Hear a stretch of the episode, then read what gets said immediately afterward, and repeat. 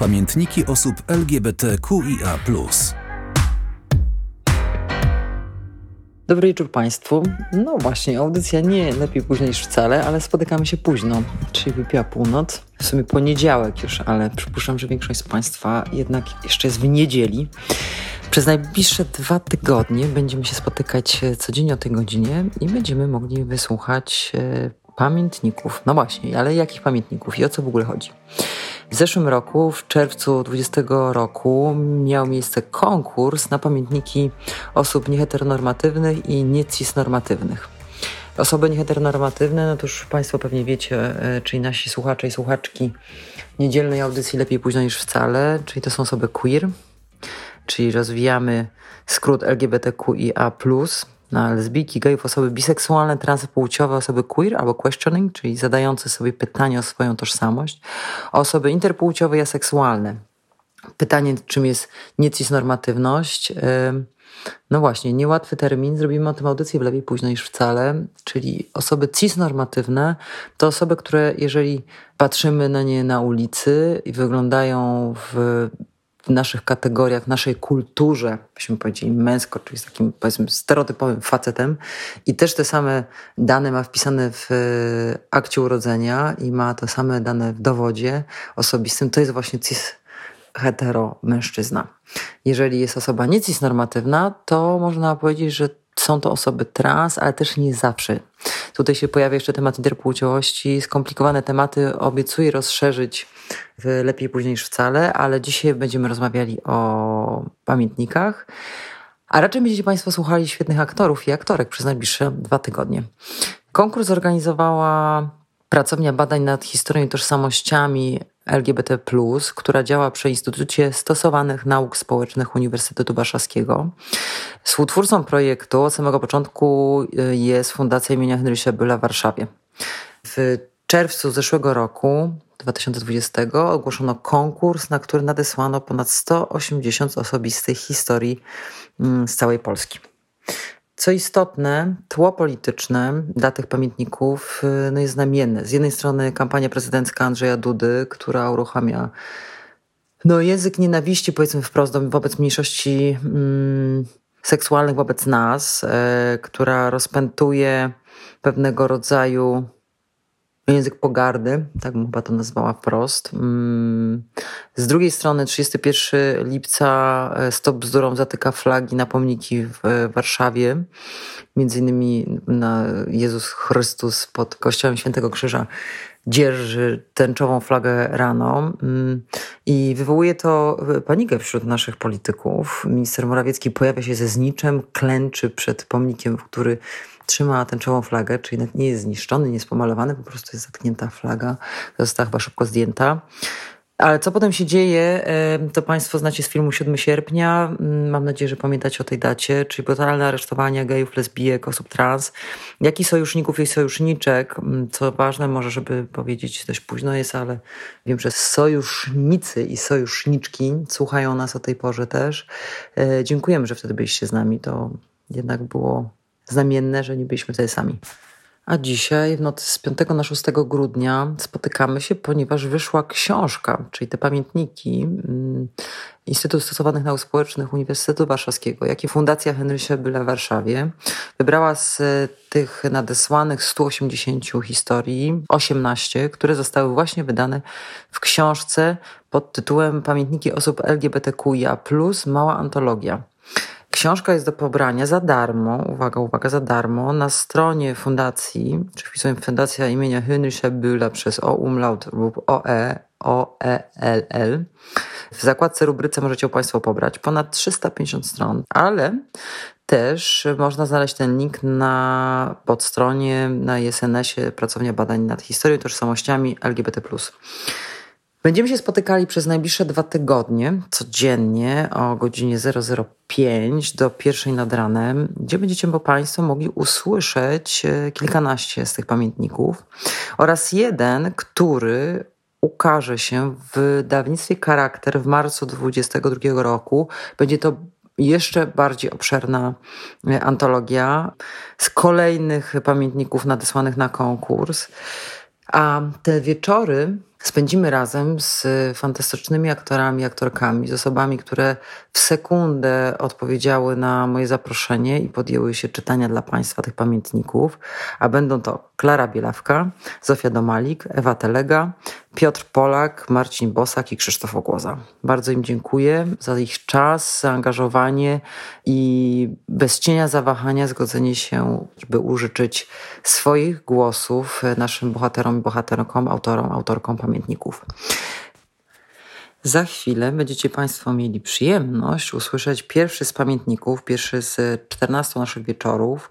Jest to pamiętnik osoby niebinarnej z Białego Stoku, która w roku 20, w okresie przeprowadzania konkursu i pisania przez nią pamiętnika, miała 21 lat.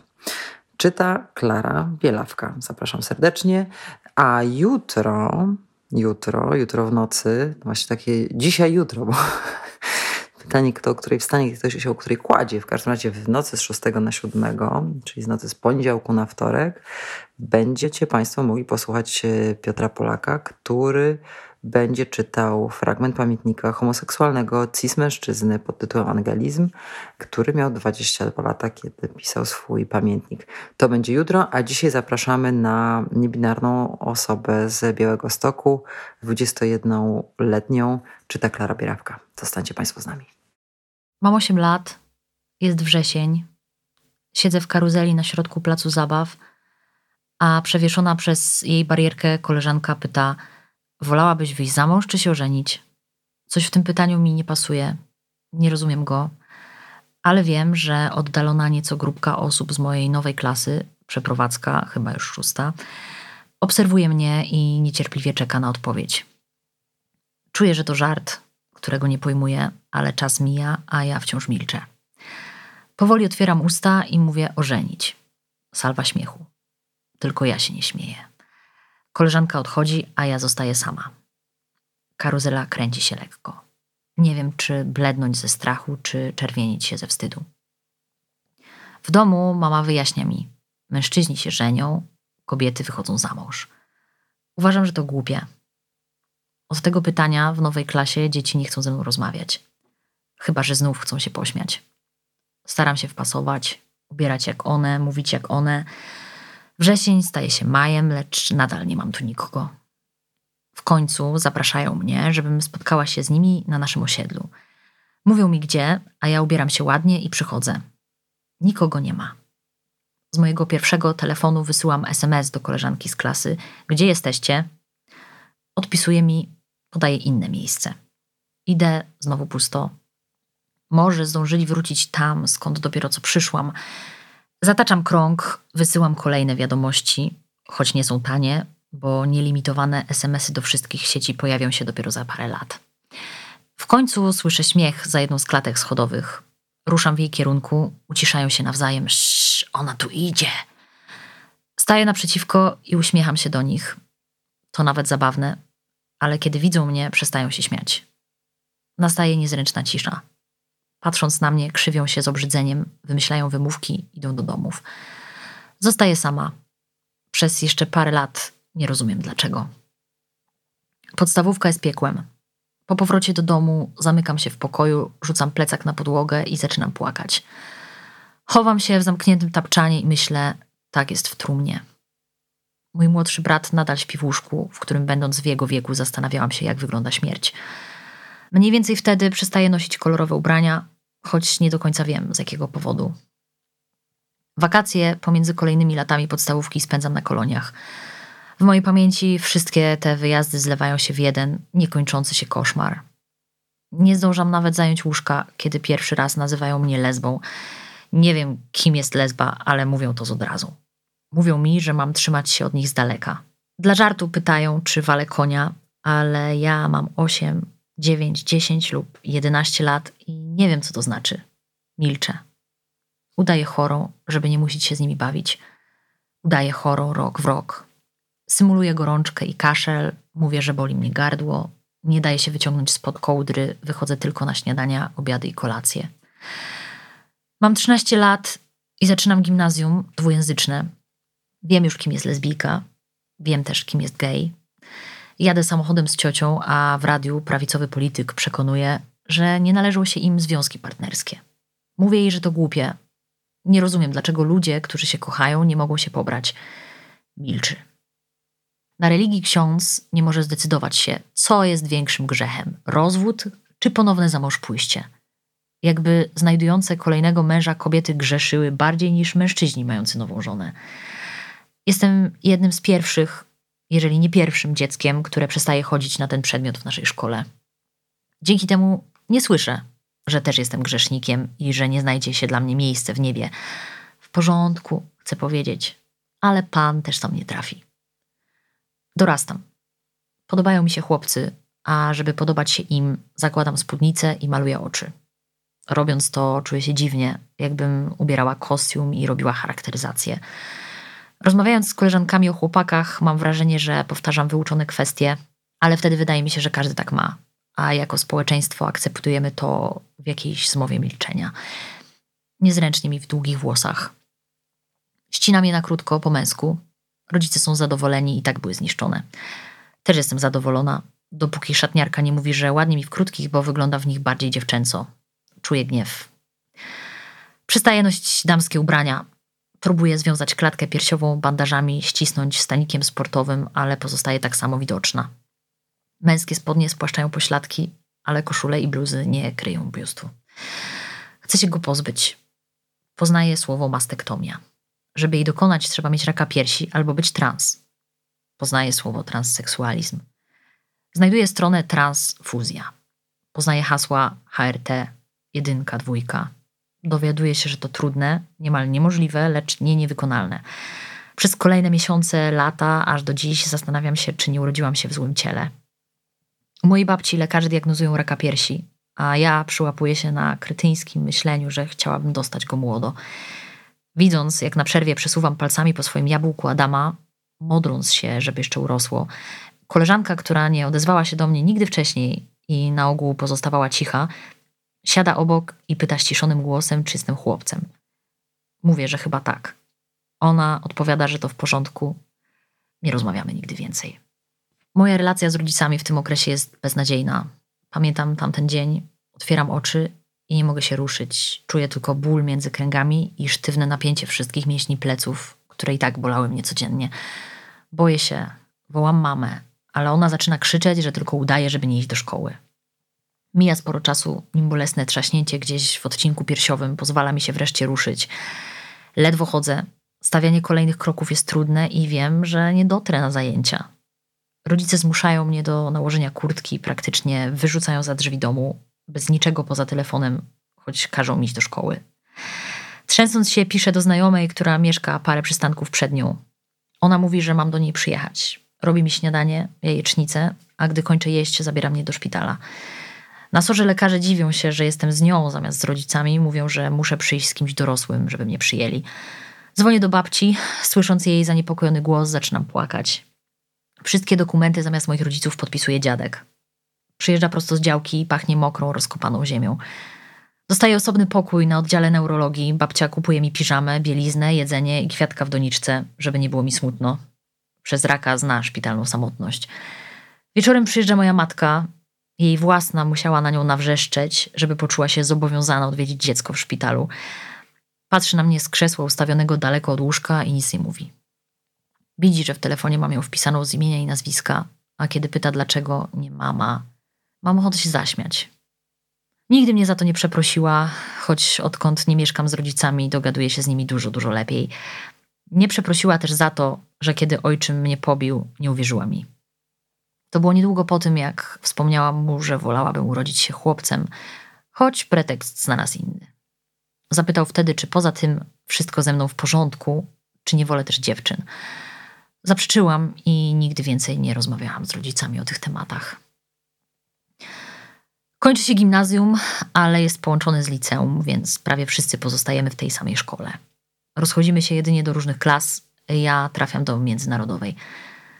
Potem mam 17 lat i zdaję sobie sprawę, że chcę pocałować moją najlepszą przyjaciółkę. Poznałyśmy się online, jeszcze gdy kończyłam podstawówkę. Obie pisałyśmy opowiadania, czasem razem, czasem w większej grupie. Ostatnio coraz częściej tylko we dwójkę, coraz częściej coś z wątkami homoseksualnymi. Dogadujemy się jak mało kto i choć jednocześnie diametralnie się od siebie różnimy, czuję, że wyciosano nas z jednego drzewa, wytopiono z jednego kawałka metalu, wyrzeźbiono z tej samej skały. Ta przyjaźń jest oczywista jak to, że słońce daje światło i ciepło. Zamienia się w miłość naturalnie jak poranek w wieczór. Pierwszy raz czuję, że kogoś kocham i tak codziennie, w momencie pisania czwarty już rok. Mówię o tym mojej znajomej, tej, która zabrała mnie do szpitala, a ona odpowiada, że widzi nas jako parę. Przyznaje mi, że sama podkochuje się w innej dziewczynie z naszej grupy angielskiego, a ja śmieję się, mówiąc, że zauważyłam. Nam wyszło i mnie, choć one również nie były hetero, podobnie jak jakaś jedna trzecia mojej klasy. To statystyka klas międzynarodowych, których uczniowie chcą wyrwać się za granicę. Nikogo nie dziwi to, że mam dziewczynę, kolejne osoby wychodzą z szafy. Na zajęciach mówimy o LGBT, otwarcie. Prawo do ślubu jest dla nas prawem człowieka. Na angielskim analizujemy literaturę pod kątem homoerotycznych motywów. Na historii dyskutujemy o roli księżnej Diany w zwróceniu uwagi społeczeństwa na epidemię AIDS. Mamy tęczowe skarpetki, queerowe koszulki, choć ja nadal nie noszę kolorowych ubrań. A znajoma opowiada mi o książce, którą widziała na targach. GRL. Zachwycamy się tytułem. Nadal muszę ją przeczytać. Mówimy o jego chłopaku i jej dziewczynie. Brzmi to równie naturalnie, co jej chłopak i jego dziewczyna. Mam fantastycznych nauczycieli, dzięki którym wreszcie zaczynam naprawdę lubić szkołę. Pani od ekonomii i Theory of Knowledge zaprasza nas do znajomych na Facebooku. Na swojej tablicy deklaruje, że przygarnie każdego ze swoich uczniów, którego rodzice odrzucą przez orientację lub tożsamość. Jest świetna. Razem z angielskim i historią ekonomia stanowi mój ulubiony przedmiot. Uczę się programować. Nie wiem wtedy, że żyję w bańce, ani że za parę lat ta bańka zostanie brutalnie przebita. Słuchają Państwo jednego z kilkunastu pamiętników. Wszystkie dostępne są w publikacji Pamiętniki osób LGBTQIA. Mała antologia. Do pobrania na stronie Fundacji imienia Heinricha Bölla w Warszawie. Za darmo. Partnerem cyklu jest Radio Tok FM. Mając 18 lat, dostaję spadek po człowieku, którego nie było mi dane poznać, choć nasze twarze są niemal identyczne. Pieniądze dosłownie spadają mi z nieba. Wydaję znaczną ich część na operację zmniejszenia biustu. Mam szczęście, bo lekarze widząc zwyrodnienia na rezonansie mego kręgosłupa przestają zadawać pytania. Chroniczny ból, skrzywiona postawa. Nikogo nie interesuje wstręt, który czuję widząc własne odbicie w lustrze. Dzień po wynikach matury mam operację plastyczną. Mama wiezie mnie do Warszawy, tam z moim chirurgiem ustalam ostateczny rozmiar. Proszę o A, najwyżej B. On naciska na D, zgadza się na C, argumentując, że wtedy uda się zachować gruczoły, a ja będę mogła wykarmić dzieci. Na te słowa chce mi się żygać. Nie chcę ich mieć. Ale chirurg jest sympatyczny, być może nie tylko przez wzgląd na pieniądze. Obiecuje zostawić mnie z najmniejszym biustem, jaki da radę mi zrobić to i tak lepiej, niż gdybym zdecydowała się na operację na NFZ, który uniemożliwia zejście poniżej rozmiaru D. Przed operacją mają mi podać leki na uspokojenie, ale tego nie robią, bo siedzę i czekam z uśmiechem. Podobno niektórzy pacjenci chcą wtedy zrezygnować, bojąc się, że umrą lub się nie wybudzą, ale w mojej głowie nawet to jest lepsze niż życie w tym ciele. Kiedy kładę się spokojnie na stół, anestezjolodzy myślą, że to przez tabletki. Leżę w tej prywatnej klinice dwa dni i nie mogę napatrzeć się na moją niemal płaską klatkę piersiową. To jedna z najlepszych decyzji, jakie podejmuję w życiu. Przestaje doskwierać mi ból. Nie brzydzę się już patrzeć w lustro. Nie protestuję, kiedy ktoś robi mi zdjęcia. Nie posiadam żadnych z czasów gimnazjum i liceum. Trzy miesiące po operacji mam zacząć studia ekonomia. Przeprowadzam się do Trójmiasta i tego samego dnia informuję współlokatora, że będzie do mnie przychodzić dziewczyna. On odpowiada coś dziwnego. Tym razem to ja się krzywię. To pierwszy raz, gdy zdaję sobie sprawę, że związki jednopłciowe wiele osób sprowadza do samego seksu. Nie dyskutuję z nim, przynajmniej nie robi problemów. Pierwszy rok mija spokojnie. Kiedy opowiadam nowym znajomym o mojej dziewczynie, mówią, że jesteśmy słodką parą i życzą nam jak najlepiej, a jej przyjaciele z wydziału stają się moimi własnymi. Cieszymy się życiem. Chodzimy na randki, na spacery, do kina i restauracji. Czasem przynoszę jej lunch na przerwach. Zdarza się, że zostaje na jej wykładach. Na ulicach trzymamy się za ręce i całujemy bez skrępowania. Podczas wieczornej przechadzki nad morskim bulwarem starsza pani nazywa nas ładną parą. Paru znajomych mówi mi, że przynajmniej nie jestem jednym z tych tęczowych pojebów. i nagle rozumiem, że niektórzy akceptują mnie i ją, ale nie nas. LGBT kojarzy im się z otyłością lub niedowagą, dziwnymi kolorowymi fryzurami, depresją, terapiami, włosami na nogach i pod pachami, ogolonymi brwiami, śmiesznym makijażem, seksem, nienoszeniem staników. Wymieniają, a ja muszę zdecydować, czy odcinam się od społeczności LGBT, czy staję w jej obronie. To przez Was musimy chodzić do psychologów i psychiatrów, mówię. To Wy dajecie nam depresję i dziwicie się, że musicie patrzeć na jej skutki. Tolerujecie tylko tych, na których życie w tym społeczeństwie nie odcisnęło widocznego gołym okiem piętna. Akceptujecie homoseksualizm jako drobny wybryk, małą skazę na poza nią praktycznie heteroseksualnym wizerunku. W maju idziemy razem na nasz pierwszy Marsz Równości. Mamy pewne obawy, ale wiemy, że musimy tam być. Okazują się bezpodstawne. Nigdy nie czuję się bezpieczniej niż na marszu w Gdańsku. Wśród tysięcy innych osób, chroniona przez policję, dzięki której nie możemy nawet doczytać tekstu na pojedynczych transparentach garstki kontrmanifestantów. Gdy kończy się semestr, muszę wrócić do domu na wakacje. Jestem z Białego Stoku. Białystok organizuje swój pierwszy Marsz Równości, a ja wiem, że muszę tam być, choć prawica grozi, że nie dopuści do tego przejścia przez miasto. Aż do ostatniej chwili nie mogę zdecydować się, czy pójść, choć wieczór przed nim spędzam z poczuciem misji, tworząc transparent, ale gdy ciocia mówi mi, że idzie, uznaję, że również muszę. Po drodze mówię jej, że mam dziewczynę. Zorientowała się dawno po sposobie, w jaki o niej opowiadałam. Zaczynamy słyszeć policyjne syreny i trzepot śmigieł helikoptera. Mijamy pierwsze zawracające osoby, karetkę na sygnale, widzimy pierwsze łzy i krew, słyszymy pierwszy płacz i krzyki. Najpierw te strachu, potem te churalne, gromkie, agresywne wypierdalać, wypierdalać, wypierdalać. W Gdańsku szłam z moją dziewczyną po prawo do ślubu. W Białym Stoku idę bez niej, po byle prawo do życia. Wydaje mi się, że jest ich więcej niż nas. Marsz jest otoczony, policja nie chce nas przepuścić. Mam wrażenie, że jeszcze sekundy, a pobiją nas na oczach funkcjonariuszy. Ale wreszcie przyciskamy się między ich tarczami. Marsz rusza krok po kroku. Spadają na nas kamienie, bruk, butelki i jajka. Pod nogami wybuchają petardy, ich huk ogłusza. Piszczy mi w uszach i gdy kolejna ląduje obok, biegnę w tył, krzycząc, by inni zrobili to samo. Wypierdalać! Wypierdalać! Komuś cieknie przez koszulkę krew, innym spływa po twarzach ślina, którą nas opluto. Powietrze jest gęste od gazu pieprzowego, przechodzimy przez jego chmury jak przez mgłę. Petardy błyskają w niej, jak gdyby ulicami miasta sunęła burza. Mijamy kościół. Kobiety, które mogłyby być naszymi babciami, grzechoczą uniesionymi różańcami, wykrzykują kurwy, zboczeńcy, pedały, sodomici zamachują się nimi, chłoszczą powietrze pomiędzy nami, jak niegdyś Rzymianie Jezusa flagrum, ale zamiast kamieniami rzemienne pasy bicza zakończone są dziesiątkami krzyży z jego własną podobizną. Boję się, że dostanę brukiem w głowę i umrę.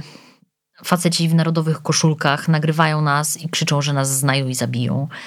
Ludzie wokół mnie krztuszą się w oparach gazu pieprzowego i zgięci w pół stawiają kolejne parę kroków do przodu.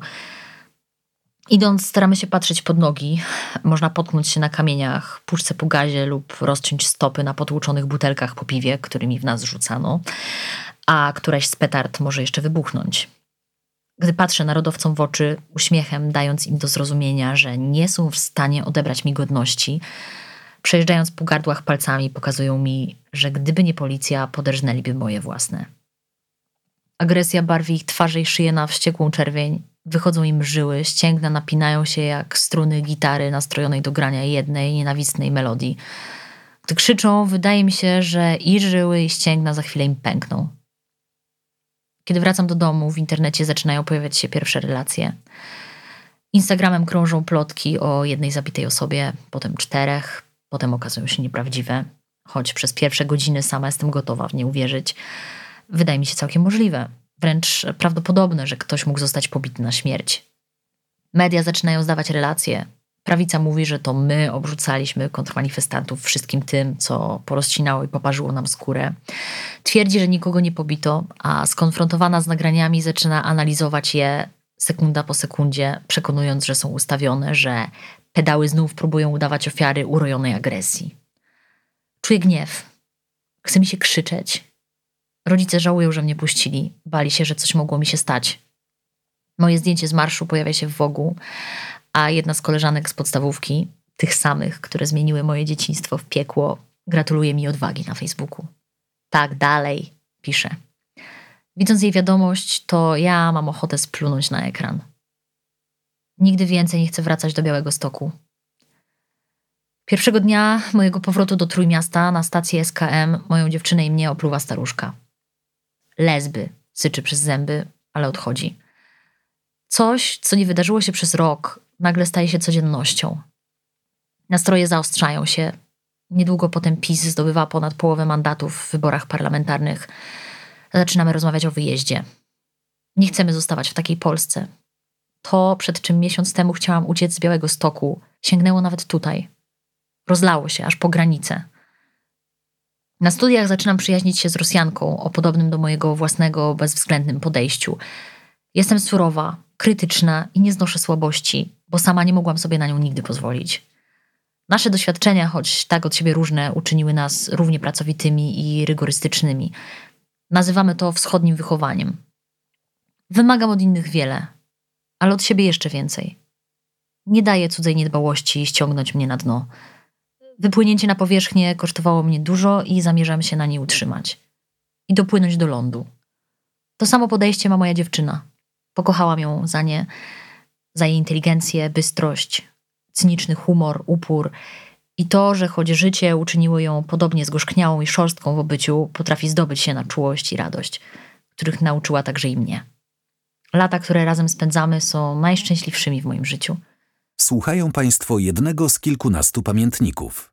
Wszystkie dostępne są w publikacji Pamiętniki osób LGBTQIA.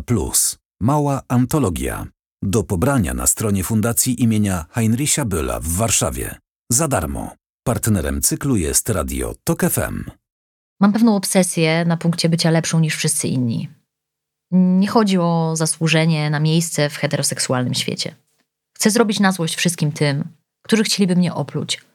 Musi być z nimi źle, skoro to lesba jest chwalona.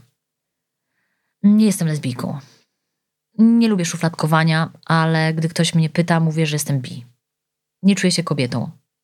Nie mogę też powiedzieć, że jestem mężczyzną, choć w duszy bliżej mi do nich niż do kobiet. Mam niewiele ubrań z działu damskiego. Wyglądam w nich dobrze, ale zakładając je, czuję się, jakbym ubierała nie siebie, a lalkę lub stylizowała modelkę na wybieg. Traktuję swoje ciało, jakby nie było moje. Urodzenie się w nim, w Białymstoku, w Polsce, nie było moim wyborem. Umiem już z tym żyć. Lubię angielski, jest mniej upłciowiony niż język polski. Miss nie irytuje mnie tak bardzo jak pani. Podobnie jak fuck wydaje się ludziom na ogół mniej wulgarny niż kurwa.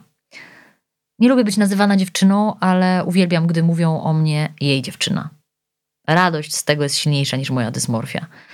Czas teraźniejszy polskiego pozwala na pewną ucieczkę od płci, ale ta i tak dopada mnie w przymiotnikach. Korzystam z niego, mówiąc o wspomnieniach, bo chociaż wydarzyły się w przeszłości, w mojej pamięci trwają nadal. Chociaż siedzę w szlafroku, w swoim wynajmowanym w trójmieście pokoju, jakieś części mnie są ciągle w białym stoku, wyśmiewane i opluwane. Ktoś nadal wyzywa je od lesb. Ktoś nadal grozi im śmiercią. Nadal płaczą schowane w tapczanie i nadal czytają o tym, jak zostać chłopcem. Ciągle jest im sucho w gardle od gazu pieprzowego. Inne, te szczęśliwsze, nadal odkrywają, że dziewczyna, w której się podkochują, również je kocha. Nadal budzą się bez ciężaru zoperowanego biustu, nadal zapinają męską koszulę w rozmiarze XS na niemal płaskiej klatce piersiowej i zachwycają się tym, jak dobrze na nich leży. Nadal są chwalone za udzielone na kolokwium odpowiedzi i nadal spacerują brzegiem Bałtyku, trzymając za rękę kogoś, kogo kochają. Te wspomnienia najgorsze i najlepsze zaczynają się na nowo, ilekroć zostają ponownie przywołane. Od wczoraj mam na skórze pierwszy tatuaż. Ludzie pytają mnie bezmyślnie, czy wiem, że jest na zawsze. Mówię im, że wszystko jest na zawsze. Wspomnień nie da się zoperować. O niektóre trzeba zadbać jako ślady skalpela na skórze lub wtłoczony pod nią tusz. W przypadku tych pierwszych po to, aby wyblakły. W przypadku tych drugich po to, by pozostały wyraźne. Blizny po operacji są już prawie niewidoczne. Po marszu w Białymstoku na Tumblerze zapytano mnie, czy rozważam opuszczenie Polski. Odpowiedziałam w ten czas, że nie wierzę w uciekanie od problemów, ani w to, że trawa jest bardziej zielona po drugiej stronie płotu, że mogą nas pobić wszędzie, a boleć będzie tak samo, choć w innym kraju moglibyśmy przynajmniej liczyć na ukaranie sprawców. Pamiętam butność, z jaką mówiłam wtedy o tym, że jeśli chcemy praw, jakimi mogą cieszyć się osoby LGBT w krajach zachodnich, musimy o nie zawalczyć, tak jak zrobiły to one lata czy dekady wcześniej. Wierzyłam, że nasze wykształcenie pozwoli nam na wprowadzenie zmian także i tutaj, moje ekonomiczne i jej prawnicze. Dziś nie potrafię się zdobyć na podobną pewność siebie. Rozdrapujemy temat wyjazdu jak nie mogącą się zagoić ranę. Czasem się jątrzy, pulsuje bólem, innym razem już się prawie zabliźnia. Najbliższe trzy lata spędzimy w Polsce, ona zostając radcą prawnym, ja starając się o tytuł doktora nauk ekonomicznych. Ledwo tydzień temu udzielałam anonimowego wywiadu niemieckiej dziennikarce badającej życie osób LGBT w Polsce. Serię rozpoczętych nim artykułów zleciła szwajcarska organizacja zaniepokojona naszą obecną sytuacją. Wysłuchiwała mojej historii politycznych spostrzeżeń, nie kryjąc przerażenia. Mnie samej, być może za wyjątkiem marszu w Białymstoku, nie wydawały się one niczym wyjątkowym. To pokazuje, jak różnią się od siebie standardy akceptowanych przez nasze społeczeństwa zachowań. Chciałabym, aby ten tekst, czytany za parę, paręnaście lat, dziwił odbiorców, podobnie jak wspomnianą dziennikarkę mojej opowieści o naszej polskiej codzienności. Obecnie nie łudzę się, że tak się stanie. Podobnie niemal wszystkie osoby, z którymi przeprowadziła podobne rozmowy, zgodnie stwierdziły, będzie tylko gorzej. Coś każe mi jednak mieć nadzieję, że nie będę zmuszona opuścić Polski. Że za te paręnaście lat, gdy sama będę wykładać na uczelni, nikt nie będzie zdziwiony wzmiankami o mojej żonie. Że być może moi właśnie studenci, pchnięci ku temu zakrawającą na wścibskość ciekawością, dokopią się i do wspomnianego wywiadu, i do tego tekstu napisanego przeze mnie, gdy sama byłam w ich wieku że zaśmieją się z niego serdecznie, z pewnym szacunkiem i ucieszą, że ich życie wygląda lepiej. Że będziemy tym zapisanym na kartach historii pokoleniem, któremu się wreszcie udało. Chcę się ożenić. Nadal męczy mnie bezsenność, ale przy mojej dziewczynie zasypiam szybciej. Znowu noszę kolory, nie tylko czerń. Okazuje się, że lubię różowy, który kiedyś budził we mnie agresję jako zbyt damski. Podobno róż nie istnieje, Wymyśliliśmy go sobie, żeby łatwiej przetwarzać informacje rejestrowane przez nasze oczy. Mam wrażenie, że z płcią jest podobnie. Chyba gdzieś to już czytałam. Program, w którym piszę, chce poprawić każdą formę żeńską na męską, jak gdyby wiedział. Z każdym podkreślonym na czerwono słowem waham się. Ostatecznie to żeńskiej używam na co dzień. Czytała Klara Bielawka. Wysłuchali Państwo pamiętnika osoby niebinarnej z Białego Stoku, która miała w czasie pisania swojego pamiętnika 21 lat. Czytała Klara Bielawka. Jeżeli Państwo jesteście bardzo ciekawi kolejnych pamiętników, to zdradzę pewną, no nie tajemnicę, ale dla osoby, które dotrwały, to prawdopodobnie Nocne Marki, Nocne Markini.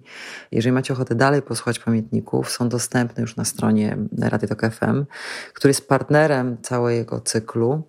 Wystarczy wpisać www.tokfm łamane na pamiętniki. I tam 14 naszych kolejnych wieczorów y, będzie dostępnych, trochę metodą pewnego streamera, że udostępniamy wszystko jednego dnia. A osoby, które zasnęły, właściwie nie, nie dowiedziały o tym, więc mam nadzieję, że jutro o godzinie 00 znowu się usłyszymy. Następny wieczór razem z Piotrem Polakiem, który będzie czytał pamiętnik homoseksualnego cis mężczyzny 22-letniego. Cały nasz wieczór za sprawą pamiętników pod tytułem Pamiętniki osób LGBTQIA+, mała antologia wydanej wspólnie z Fundacją imienia Henrysia Byla w Warszawie, jak i pracownią badań nad historią i tożsamościami LGBT. Ja się nazywam Katarzyna Szustow. Dziękuję Państwu. Dobranoc.